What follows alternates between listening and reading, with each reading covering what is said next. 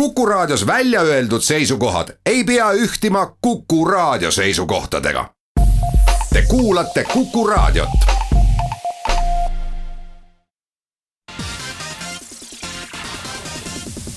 nädala Tegija.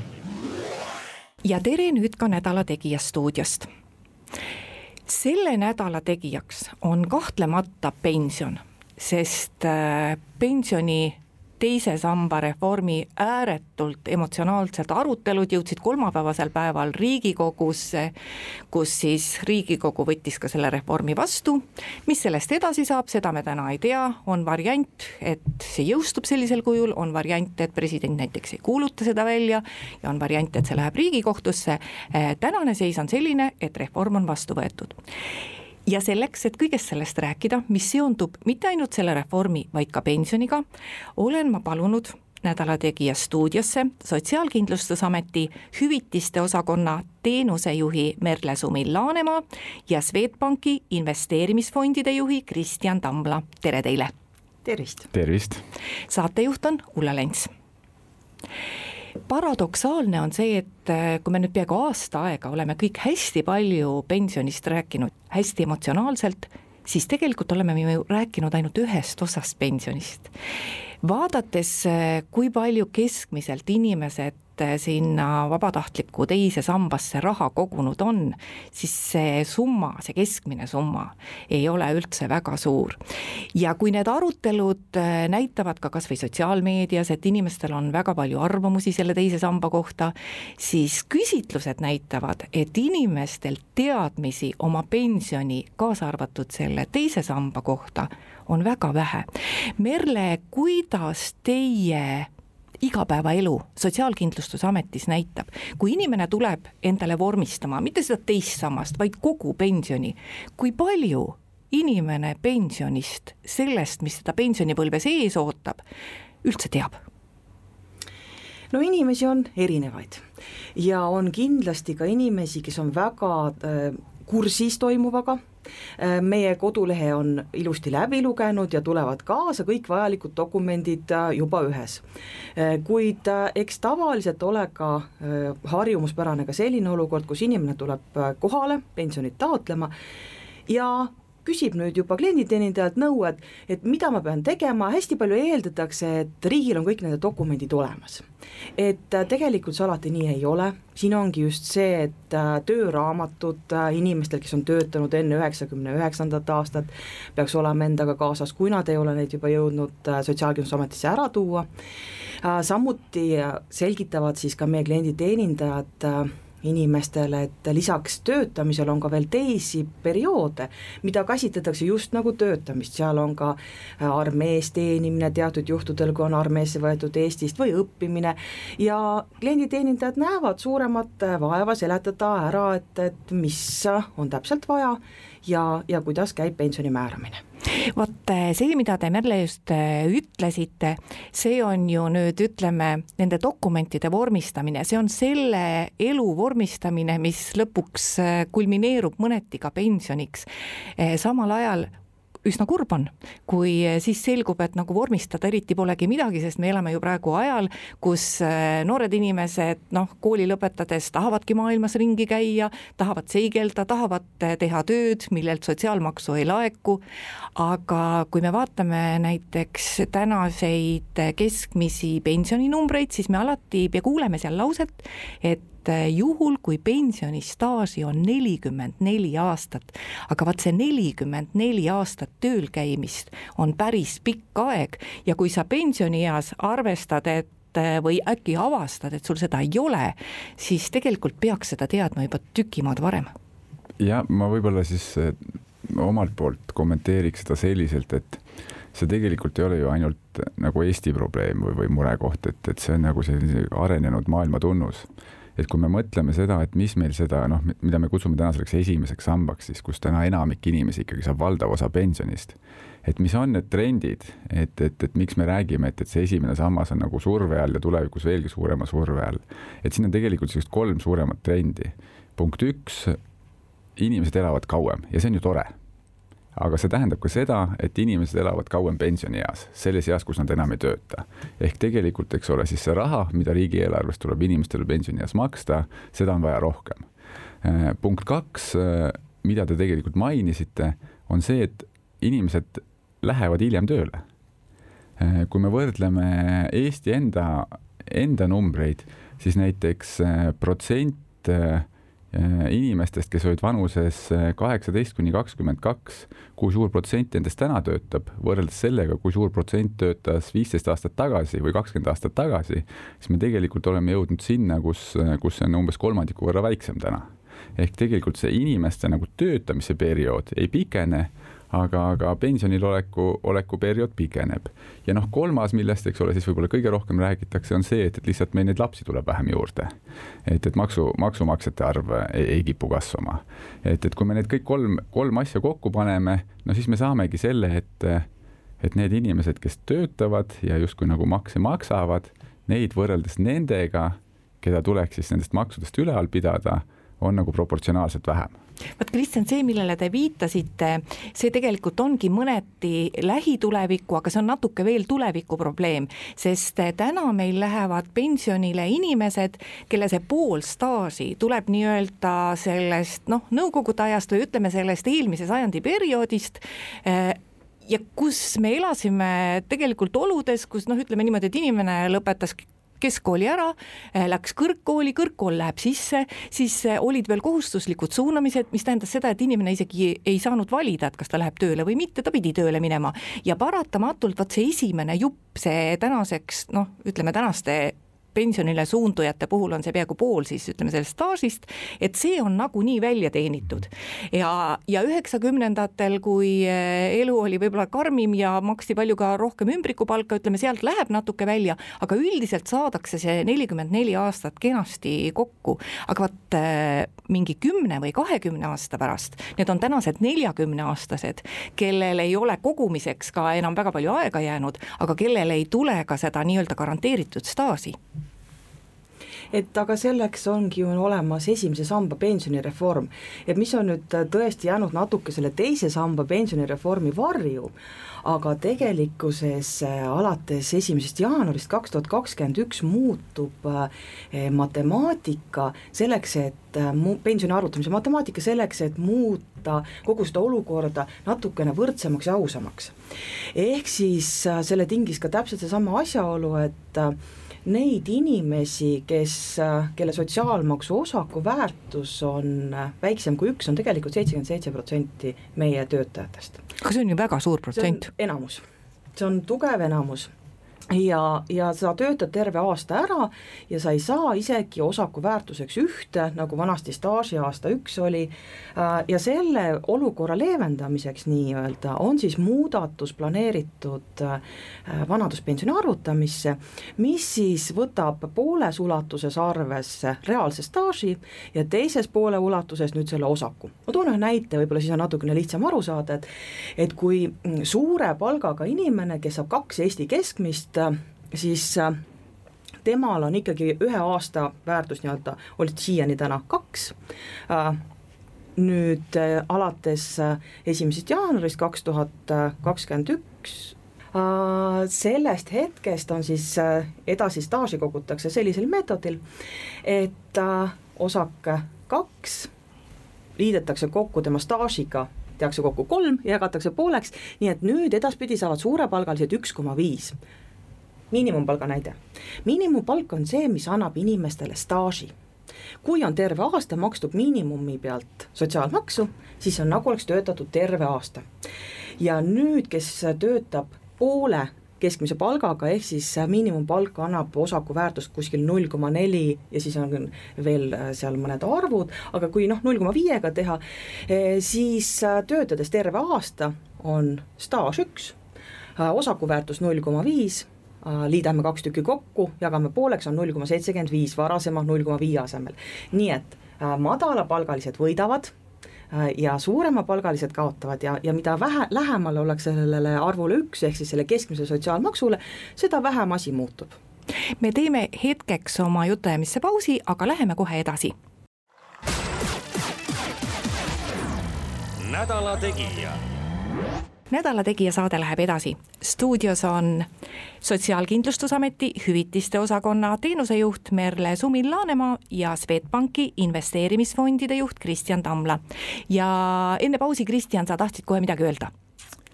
ei, ma võib-olla tahtsin seda kuidagi siin laiemalt kokku võtta, mida Merle ütles, et, et eks see pensioni esimene sammas on ju tegelikult üks hästi suur ümberjagamine, et ta on ümberjagamine ühe põlvkonna sees ja erinevate põlvkondade vahel ja, ja see, mida Merle kirjeldas, eks ole, et, et see on siis nii-öelda see ümberjagamine ühe põlvkonna sees. et see on selline noh, mis ongi tegelikult minu meelest, kus meil nagu debatti pole olnud, on see küsimus, et eh, kui palju, kas üldse ja kui palju äh, palkade erinevus ja sissetulekute erinevus peaks kanduma üle pensionipõlves sissetulekute erinevuseks. Merle kirjeldas seda, eks ole, et, et, et meil siin äh, aastatel üheksakümmend üheksa kuni kaks tuhat kakskümmend on see olnud äh, päris tugev seos, et mida suurem on sissetulek, siis seda suurem on ka pension. et nüüd edaspidi seal see väike side säilib, aga, aga see läheb nagu oluliselt võrdsemaks. nüüd see teine ümberjagamine, mis ju tegelikult võib-olla pensionisüsteemi mõttes on nagu isegi olulisem, on, on siis see, et, et kuidas me jagame seda ümber erinevate põlvkondade vahel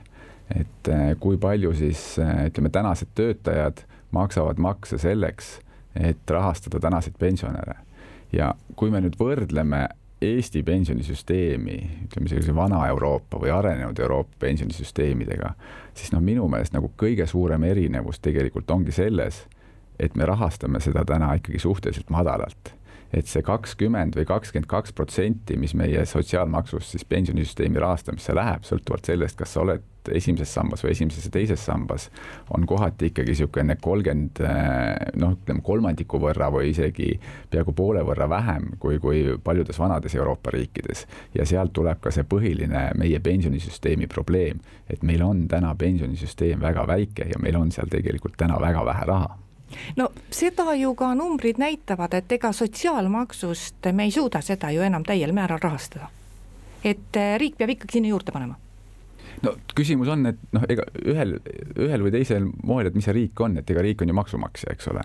et ega, ega ühel või teisel moel eh, juurdepanemine tähendabki seda, et, et siis A, kas me paneme sinna maksudena juurde või, või, või B, me kogume siis iseendale, paneme, paneme endale juurde ja, ja mis oli minu meelest natukene niisugune võib-olla kurb naljakas, oli see, et, et, et eelmise aasta novembris koalitsiooni suurim erakond, Keskerakond äh, algatas nii-öelda maksudebati. Ja nad üldse ei varjanudki, et selle maksudebati põhiliseks eesmärgiks on maksukoormuse tõustmine, sest sotsiaalkindlustussüsteemis on raha liiga vähe. Et, et me justkui nagu äh, oleme see, seda endale teadvustanud ja ütleme, et, et me tahaksime nagu seda ämbrit, sotsiaalkindlustussüsteemi ämbrit sinna vett juurde kallata, aga, aga samas mõned teised otsused, mis me teeme, näiteks eile vastu võetud otsus, sellega me puurime sinna ämbrile nagu augu põhja. et, et me seda suurt pilti pensionisüsteemi mõttes me kas nagu ei taha korraga vaadata ja analüüsida või, või, või me ei oska seda, et, et, et, et see on, see on natukene jäänud selliseks poolikuks minu jaoks. ma tuleks korra selle jutu taga, selle jutu juurde tagasi, mida Merle rääkis meile siin saate esimeses osas, et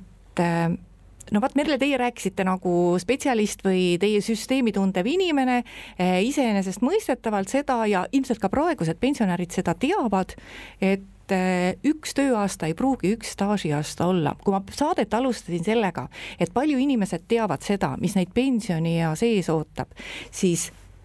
rääkides kas või oma kolleegidega, aga ma pean ju ütlema, et ajakirjanikud on keskmisest informeeritumad inimesed, siis minu kolleegid, kellel täna on pensionini võib-olla jäänud seal isegi neli või viis aastat, ei tea seda, et üks aasta töötamist ei pruugi igas olukorras igale inimesele anda ühte aastat pensionistaaži kas see on ainult minu mulje, et seda ei teata või on see nagu,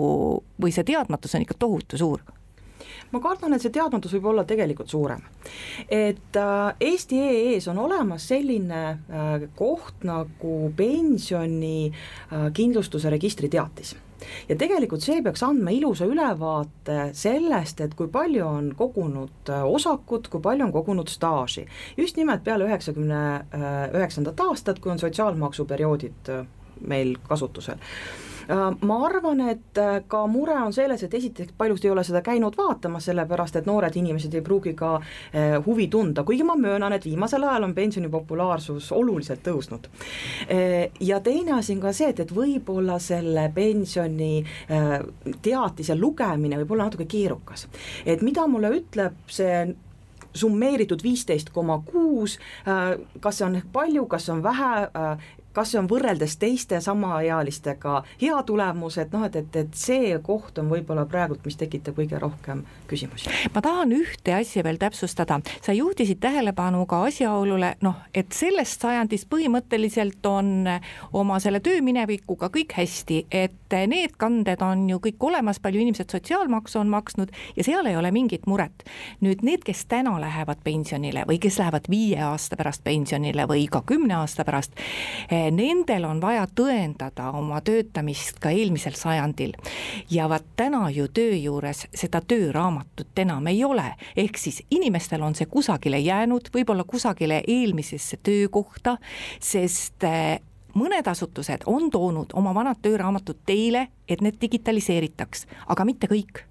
no täpselt nii, et, et ma täiesti julgustan, et äh, me kogume aktiivsemalt nüüd äh, tööraamatuid ja tööstaaži just nimelt äh, perioodi kohta enne üheksakümne üheksandat aastat, alates siis kahe tuhande seitsmeteistkümnendast aastast on meil selline suurem kampaania ja ja tõesti, sellest alates on toodud meile umbes kuuskümmend viis tuhat tööraamatut. aga me eeldame, et tegelikkuses neid raamatuid võib inimestel käes olla tunduvalt rohkem ja tänu sellele me oleme ka tegelikult Sotsiaalkindlustusametis loonud väikese sellise töörühma, kes siis äh, käib suuremates asutustes koha peal. et kui veel personaliosakonnas on ilusti säilinud tööraamatud, et me teeme, digitaliseerime need väljavõtted ja kogume staažid kokku ja, ja see annab just selle, et, et kui tuleb ühel hetkel pensioniiga, äh, jõuab kätte, siis äh, inimese jaoks oleks võimalikult lihtne, ehk siis, et proaktiivse pakkumisena, et anname teada, et vot teil on nüüd iga käes, et kas te tahaksite minna praegult pensionile või või soovite pensionit edasi lükata, aga ühtlasi, et ei pea nagu muretsema rohkem mis saab siis, kui seda tööraamatut enam kusagilt ei leia, siis tuleb kõik oma eelmised tööandjad läbi käia, neil ju mingid arhiivid on ju ikkagi säilinud? no tegelikult päris nii hullu koormat me inimesele ikkagi ei pane. sellepärast, et äh, me tegelikult piisab sellest, kui inimene istub rahulikult maha ja mõtleb välja kõik need töökohad, kus ta on millal, mingil hetkel töötanud. Ja naisterahvaste puhul paneks veel südamele, et äh, kui oli töötamise ajal mõni teine nimekuju, et nad ka märgiks võib-olla meile selle.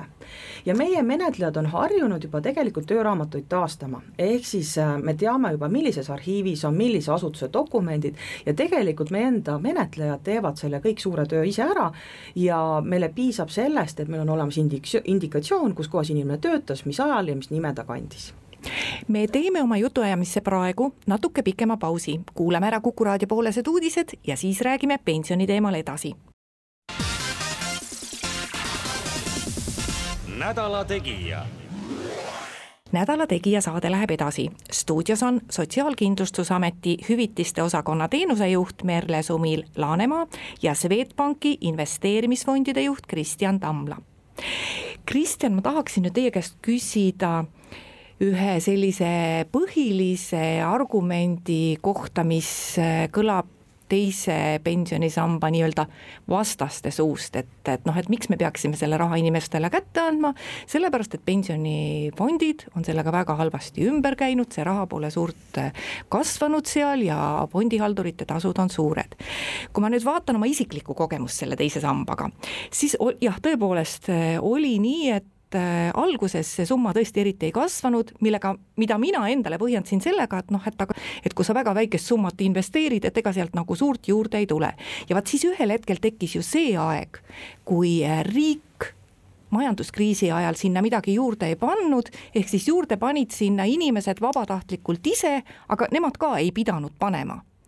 ja äh, vaat siis ühel hetkel tekkis aeg, kui riik riik hakkas jälle panema ja nendele, kes siis vahe, vahepeal, kui riik ei pannud ise sinna raha kokkusid, isegi suurema protsendi kui täna. et äh, oli see põhjus nüüd ainult selles või tõepoolest ka algselt kogu see süsteem lihtsalt ei käivitunud nagu uute asjadega ikka? ma arvan, et see, kui palju on pensioniraha kasvanud, et see ongi võib-olla mõne inimese puhul isegi, ongi isegi natukene selline tunnetuse küsimus ja, ja küsimus on ka siis selles, et et kui palju ta peaks kasvama, et me ütleksime, et nüüd on nagu piisav ja kui palju ta peaks kasvama, et, et kui me ütleme, et vot, et see on nagu selgelt vähe. kui me räägime nagu lihtsalt nagu mustvalgetest numbritest, siis alates äh, teise samba loomisest on äh, sellise nii-öelda keskmise inimese või kes on sellises keskmises fondis, et mitte kõige paremas fondis ja mitte kõige kehvemas fondis, aga sellises nii-öelda keskmises fondis siis äh, tema selle teise samba fondi tootlus seitsmeteist aasta jooksul tänaseni ületanud Eesti inflatsiooni kuskil kahekümne viie protsendi võrra. ehk et nagu, et, et kui, kui nende samba vastaste äh, laused on öeldud, raha põleb, siis noh,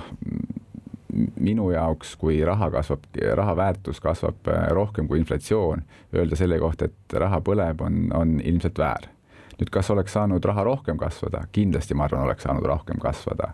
ja, ja, ja ma arvan, et noh, et, et siin me saamegi nüüd tagantjärgi nagu analüüsida, et mis on need põhjused olnud, et miks ta, miks ta selle seitsmeteist aasta jooksul ei kasvanud rohkem, kui ta, kui ta senini kasvas. noh, ma võib-olla tooks, tooks välja järgmised põhjused, et punkt üks, kui see süsteem käivitati,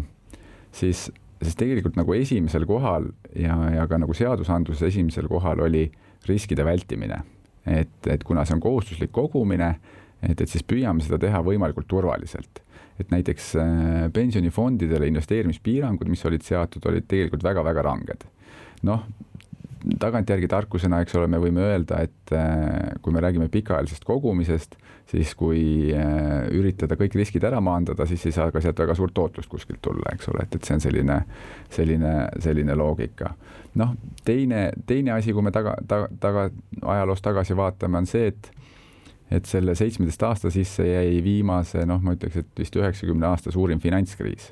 Ja kui me nüüd eh, veel siit Eesti välja toome, siis Eestit see majandus- ja finantskriis puudutas või räsis isegi nagu oluliselt rohkem kui maailma tervikuna. et noh, et, et, et ka siit on nagu tõenäoliselt mingi, mingi põhjus, et, et meie, meie majandus ja meie pensionifondid said, said selles kriisis võib-olla natuke rohkem räsida kui, kui muu maailma pensionifondid nüüd, kui me vaatame viimaseid aastaid, siis tegelikult kõik need sammud, mida seadusandja on, eks ole, teinud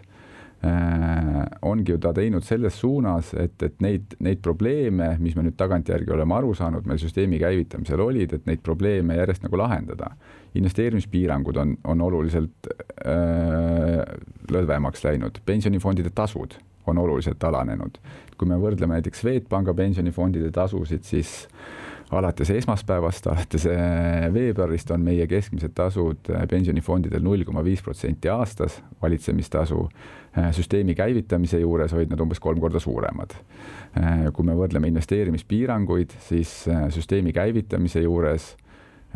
võisid pensionifondid investeerida aktsiaturgudele maksimaalselt viiskümmend protsenti, rohkem mitte mingil juhul ei tohtinud ja kindlasti oli kohustuslik klientidele pakkuda fond, fondi, mis mitte mingil juhul aktsiatesse ei investeeri täna oleme me seadusandlikus keskkonnas, kus pensionifondid võivad sada protsenti ja kui väga tahavad, siis ka noh, nii-öelda laenu kasutades üle saja protsendi aktsiaturgudele investeerida. ja ei ole enam kohustus pakkuda pensionifondi, mis tingimata mitte midagi aktsiaturgudele ei investeeri. et, et kõik need investeerimispiirangud on lõdvemaks läinud, loomulikult lühiajaliselt tähendab ka see seda, et, et teatud riskid on, on, on kasvanud, aga kui me mõtleme pensioni kogumisele kui pikale protsessile, siis noh, kogemus ütleb seda, et, et pikema investeerimishorisondi puhul kui investeerimisriske võtta, siis peaks pikemas perspektiivis tulema ka parem tootlus. no praegu ma vaatasin, et äh, kui sul on fond, kus on suhteliselt suur aktsiate osakaal, siis no viimane aasta oli väga hea, sest aktsiaturgudel oligi hea aasta no taaskord, et, et kui me räägime näiteks, ma saan kõige paremini, eks ole, rääkida Swedbanka pensionifondidest, siis kõik, absoluutselt kõik meie pensionifondide toot-, kõigi fondide tootlus ületas Eesti inflatsiooni.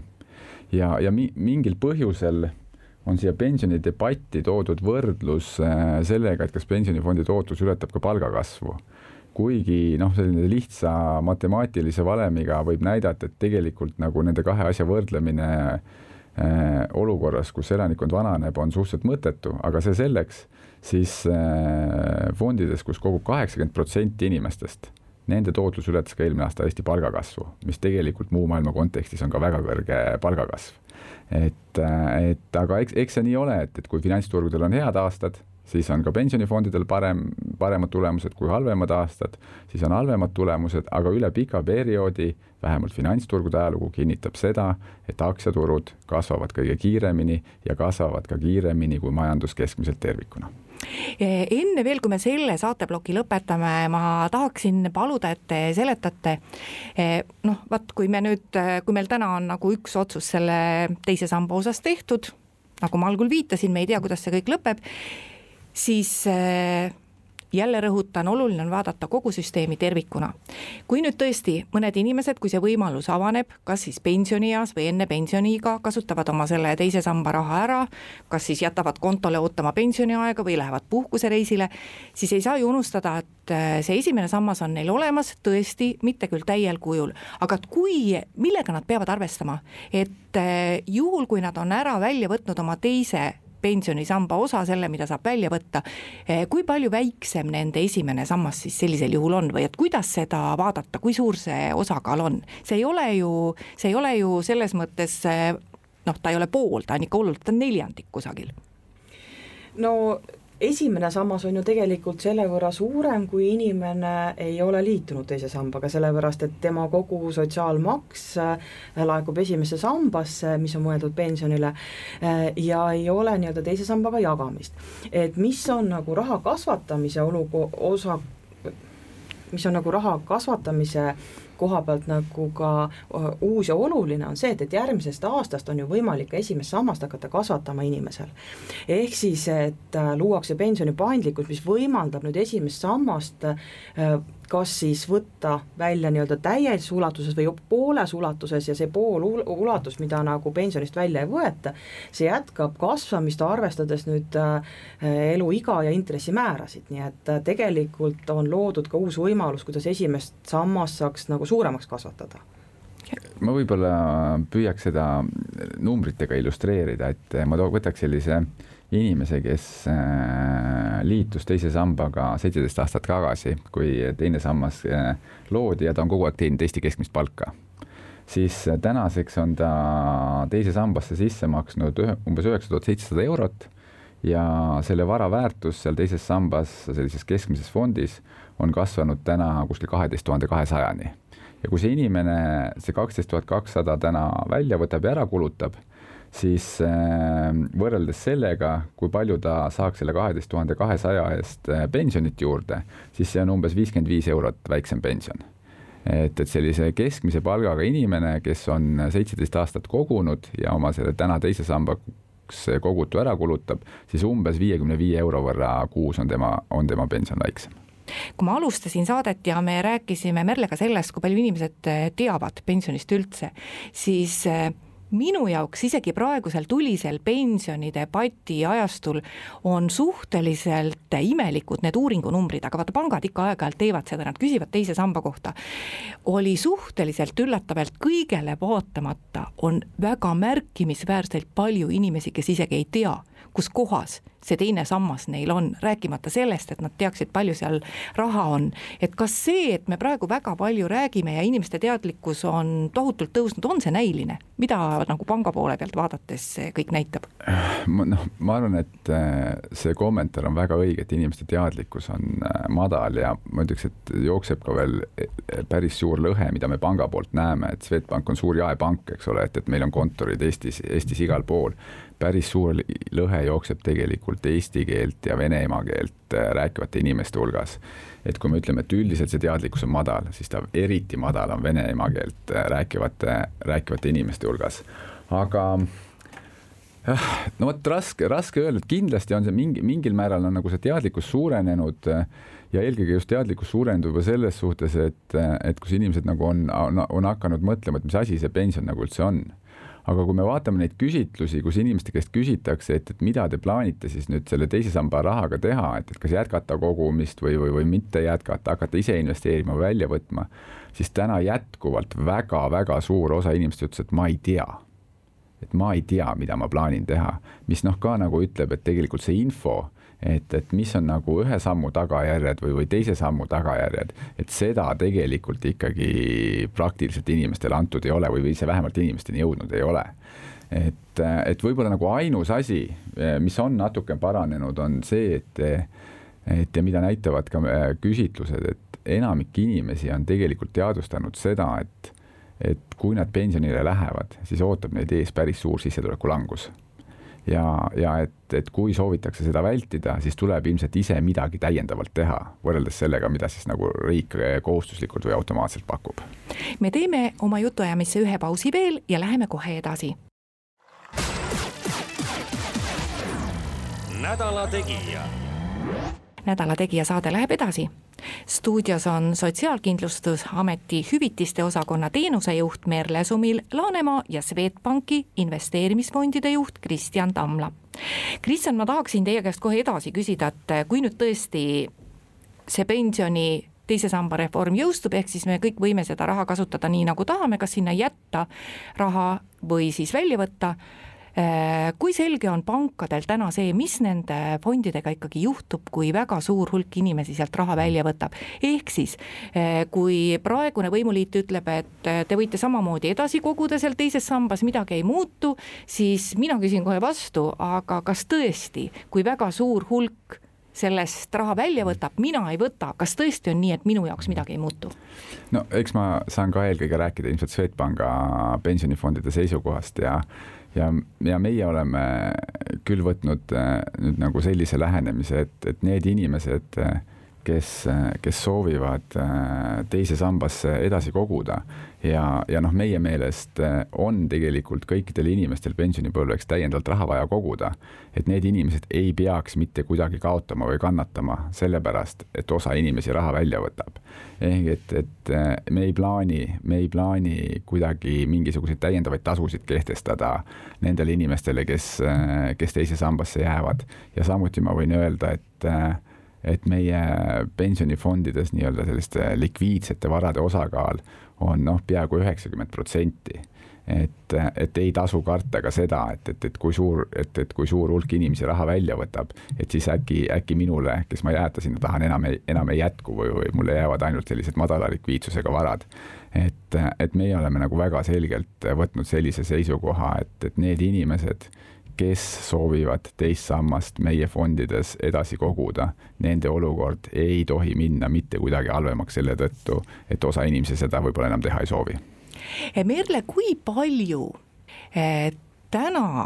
veel sisaldab tõde see, no vot see põhiline lause, et noh, et aga mis me üldse pensionist räägime, et esiteks pension on nagu nii väike, et see on, see on nii väike, et see on tühine raha ja võib-olla need tänased noored üldse kunagi pensioni ei näegi hea küll, aga räägime tänasest siis või nendest, kes viie või kümne aasta pärast pensionile lähevad. minu meelest on eh, sellel ühel põlvkonnal selle pensioni osas saabunud isegi vaata et Eesti kõige parem aeg, sellepärast et nemad on mingi osa sellest noh, eriti need, kes on saanud natuke rohkem kui keskmist palka või ka keskmist palka, et nad on ikkagi mingi osa sellest rahast kogunenud juba ajal, kui normaalselt palka maksti, ütleme, need, kellel on veel ka korralik teine sammas, et võib-olla see üks põlvkond tänased viiekümnesed, kui nad pensionile lähevad, saavadki nagu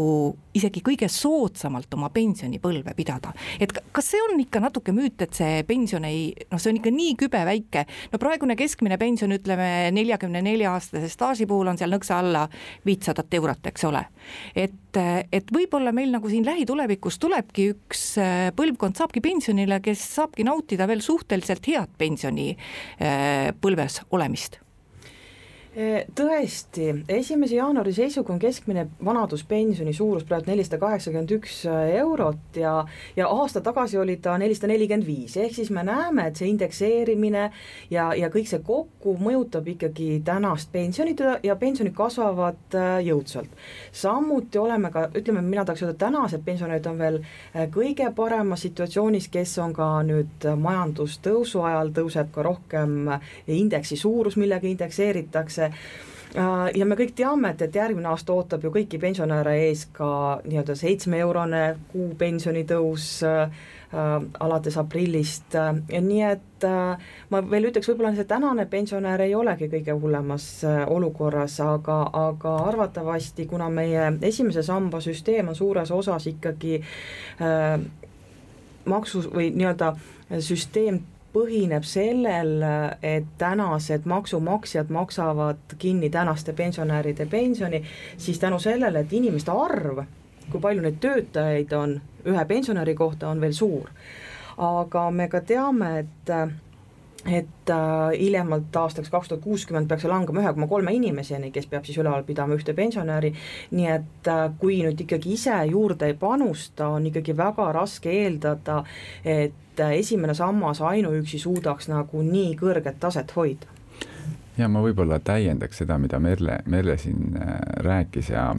püüaks seda, seda demograafilist olukorda kuidagi nagu illustreerida ka mingite selliste näidetega et kui me vaatame täna, äh, millised, millised põlvkonnad meil pensionieas on, siis meil tegelikult on täna pensionieas üks hästi väike põlvkond. see on äh, teise maailmasõja aegne põlvkond, äh, seal sündinud inimesed ja, ja, ja noh, paratamatult äh, mingil hetkel see põlvkond läheb eest ära, et, et need inimesed äh, lihtsalt kahjuks jõuavad oma elutee lõpuni ja, ja, ja kõik järgmised põlvkonnad, mis meil nüüd peale tulevad järgmiste aastakümnete jooksul sinna pensioniikka, need on oluliselt suuremad sest lihtsalt sündivus äh, peale teist maailmasõda ja, ja ka sisseränne oli, oli oluliselt suurem. teine asi, mis meil seda demograafilist olukorda täna hea, paremaks teeb, on see, et, et mõned aastad tagasi jõudsid meil tööturule laulva revolutsiooni lapsed ja see oli üks väga suur põlvkond. kui me vaatame nüüd neid põlvkondi, mis sealt nagu edasi on tulnud, siis need on nagu jälle selgelt väiksemad. ehk et, et meil, meil nagu mõnes mõttes tõesti me elame noh, hetkel sellises äh, kõige magusamas punktis võib-olla sellise demograafilise olukorra mõttes pensionäride arv versus, äh, versus töötajate arv. aga ka teine asi, mis ma selle komment-, siia võib-olla juurde lisaks, on see, et siin on üks müüt äh, lahti läinud ja on see, et et seoses sellega, et loodi teine sammas, et, et seoses sellega on esimese samba pensionid väiksemad, et et on tegelikult, tegelikult ei ole, et noh, on, on räägitud, eks ole, sellest, et et ükskõik, kui palju siis nagu täna esim-, teise sambasse inim-, inimesed koguvad, et see sotsiaalmaksu indeks või see esimese samba indeks, mida Merle mainis, et see ei sõltu sellest, kui palju inimesed teise sambasse koguvad või mitte või ei kogu, eks ole. aga, aga teine asi, mis võib-olla on isegi veelgi selline parem näide, on see, et kui me vaatame, kui palju riigieelarvest eh, tehti kulutusi võrreldes siis noh, meie majanduse suurusega pensionide väljamaksmiseks enne teise samba loomist ja kui palju tehakse täna, siis nii-öelda protsendina sisemajanduse kogutoodangusse me maksame esimesest sambast täna rohkem pensione, kui me maksime enne teise samba loomist. et, et, et, et see väide, et, et teise samba juurde tegemine on kuidagi tänaste pensionäride olukorda halvendanud, et, et no ei pea paika mis me siis nüüd kuulajatele lõpuks ütleme, et me üritasime seal saa-, selles saates küll tõesti mitte pooli valida, vaid lihtsalt teavitada inimesi ja ilmselt äh, igaühe rahakott on tema isiklik asi. nii et ma arvan, et kõige mõistlikum on teha endale selgeks, ükskõik kui vana te olete, mis pensionieas teist ees ootab. Ja, ja infomaterjali selleks tegelikult on, kui natukene otsida. täna esimese samba puhul igaüks saab ise minna ja vaadata vastavalt leheküljelt üle, palju tal staaži on kogunenud, mis see tema pensioniindeks on. Ja teise samba fondide puhul täpselt samamoodi. Eh, ma arvan, et eh, pangad, eh, kui küsida, annavad informatsiooni piisavalt, nii et tegelikult igaüks peaks otsuse tegema ise, on nii jaa, kindlasti. Äh, ma võib-olla selle teise samba kontekstis ütleks, et minu esimene sõnum on see, et, et äh, kõik võiks korraks nagu aja maha võtta, sest äh, täna või homme ei tule mitte midagi otsustada. et, et väga rahuli, et see seadus, kui ta sellisena rakendub, nagu ta vastu võeti siis ta tegelikult nagu rakendub alles järgmise aasta alguses. et, et sinnani saavad kõik nagu väga rahulikult mõelda, vaadata, kui palju neil äh, on raha kogunenud teise sambasse, kui suurt pensioni on oodata esimesest sambast, mõelda, tulla konsulteerida äh, pankades, äh, pangakontorites ja, ja selle põhjal siis, siis langetada oma otsused. suur aitäh tulemast Nädala Tegija saatesse ja saateaeg ongi meil läbi saanud ütlen kuulajatele ka aitäh kuulamise eest ja järgmine Nädala Tegija on eetris juba nädala pärast, kuulmiseni. nädala Tegija